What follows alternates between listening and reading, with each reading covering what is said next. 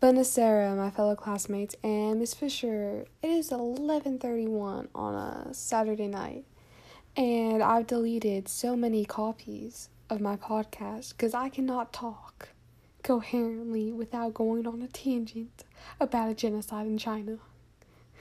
but we're back with more focused, insightful, and original rhetorical analysis because that's what the rubric asked for.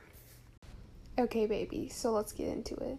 Man's Search by Meaning by Viktor E. Frankl outlines Viktor's experiences within several concentration camps.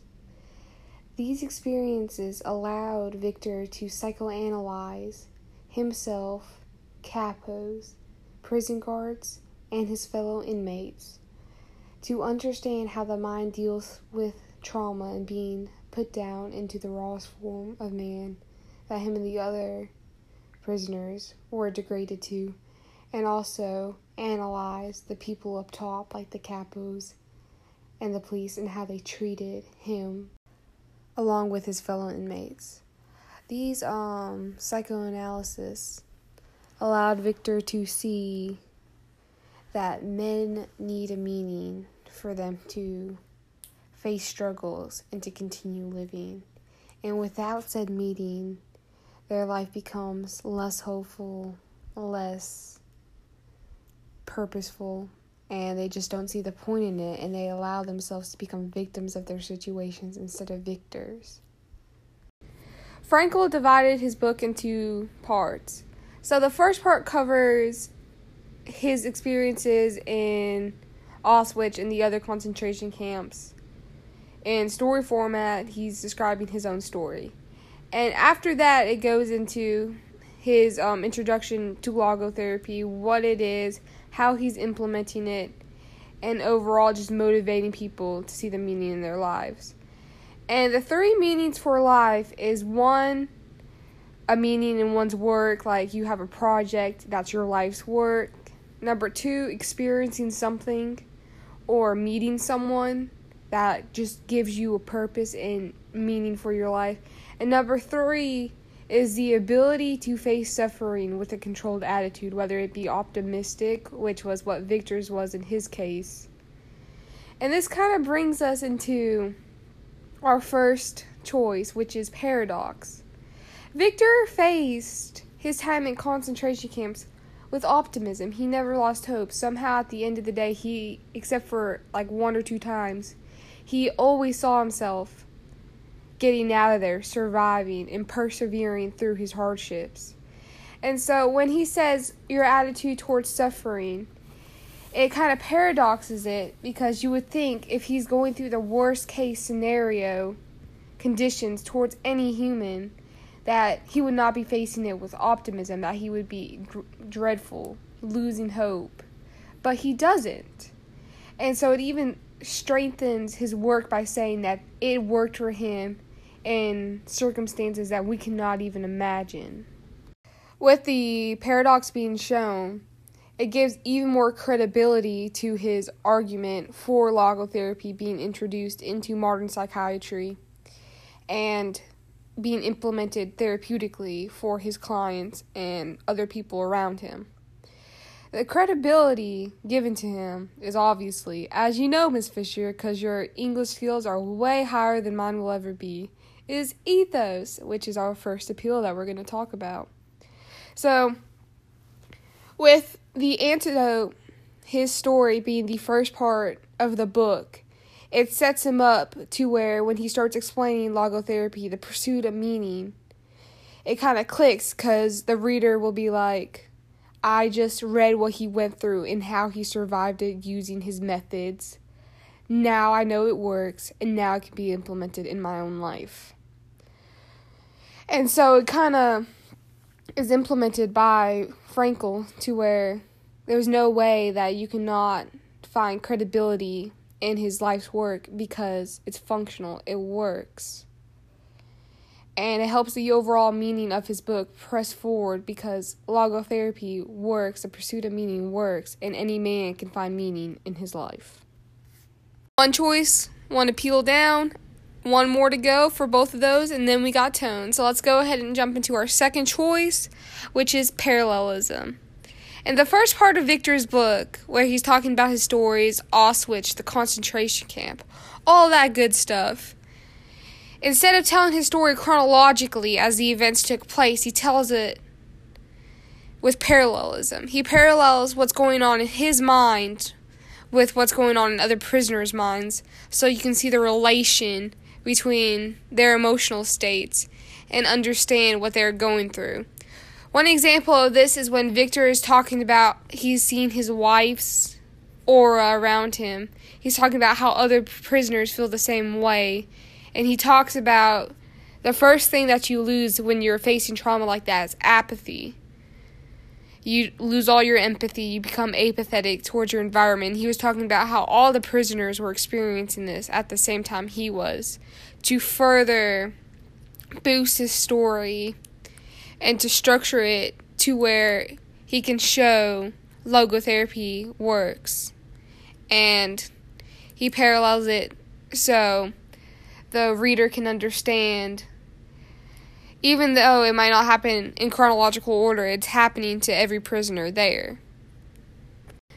This chosen structure by Frankl allows for the reader to become emotionally enveloped into the experiences that him and his counterparts in the prison are sharing. With this being done, the emotional connections starting to be made in the reader's minds to these characters allows them to become more emotionally developed, as I said. But not only that, it allows them to see and feel as though what the author is saying is more likely the truth and it allows them to become more vigilant into why logotherapy is working for him and the prisoners. And of course, the emotional part, the appealing to emotions, is pathos. And one big major area where you can see this is back when I was talking about Viktor seeing his wife. There is one recallable point in the first part where you can see Viktor hasn't given up, but he doesn't think that he's going to make it out of this particular concentration camp because he's a little more on the sick side. And due to this, he tells one of his friends to tell his wife all these things. And in the book, it asks the friend, Where is he now? Do you still remember what I told you to tell my wife? And so and such. And that started making me tear up because I'm like, No, he doesn't know if his friend made it out alive. And with that being said, it was just bringing the um, the reader more in emotionally to the story and allowing them to really feel as though even though they can't live the circumstances Viktor lived, they can still relate to the hardships that he's experiencing in the way that everybody faces their own challenges. And no challenge is equal. You cannot discriminate on a man's because their challenges are lesser or greater than another man's. And all of the emotional, the credibility, it allows for the reader to see that the psychological revelations Viktor is making is along the lines of Sigmund Freud, who is, as you know, one of the ground rocks of psychiatry, and how Viktor is twisting upon his work that instead of sexual desire that men want to live, it is just the meaning of life, the pursuit of happiness, the pursuit of meaning.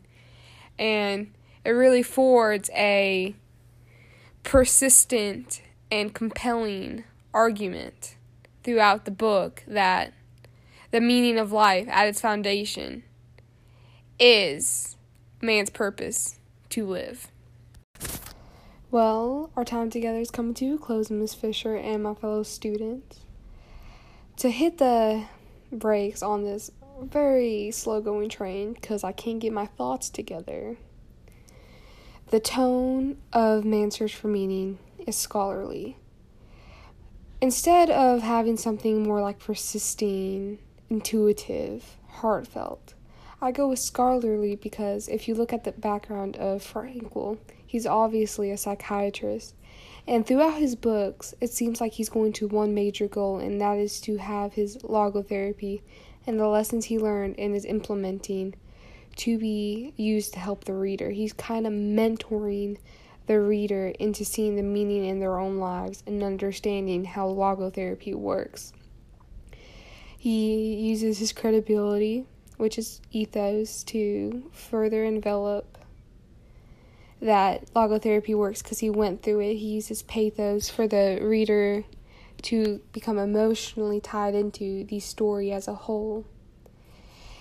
And he uses parallelism and paradox, which we both covered, to structure and create a unique form of writing to where the reader can see what he means and further understand the concept of the meaning of life by his teachings.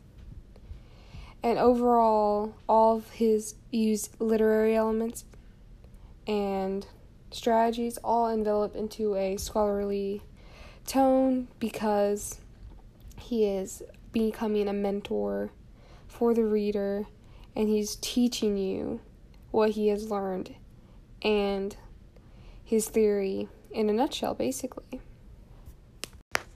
To conclude, Man's Search for Meaning is a wonderful book, and I do recommend everyone reads it in this class.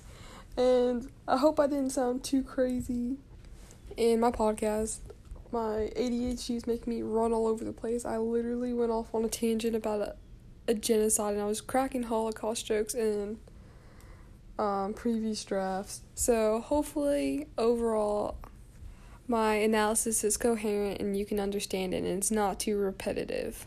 Thank you. Love y'all. Goodbye.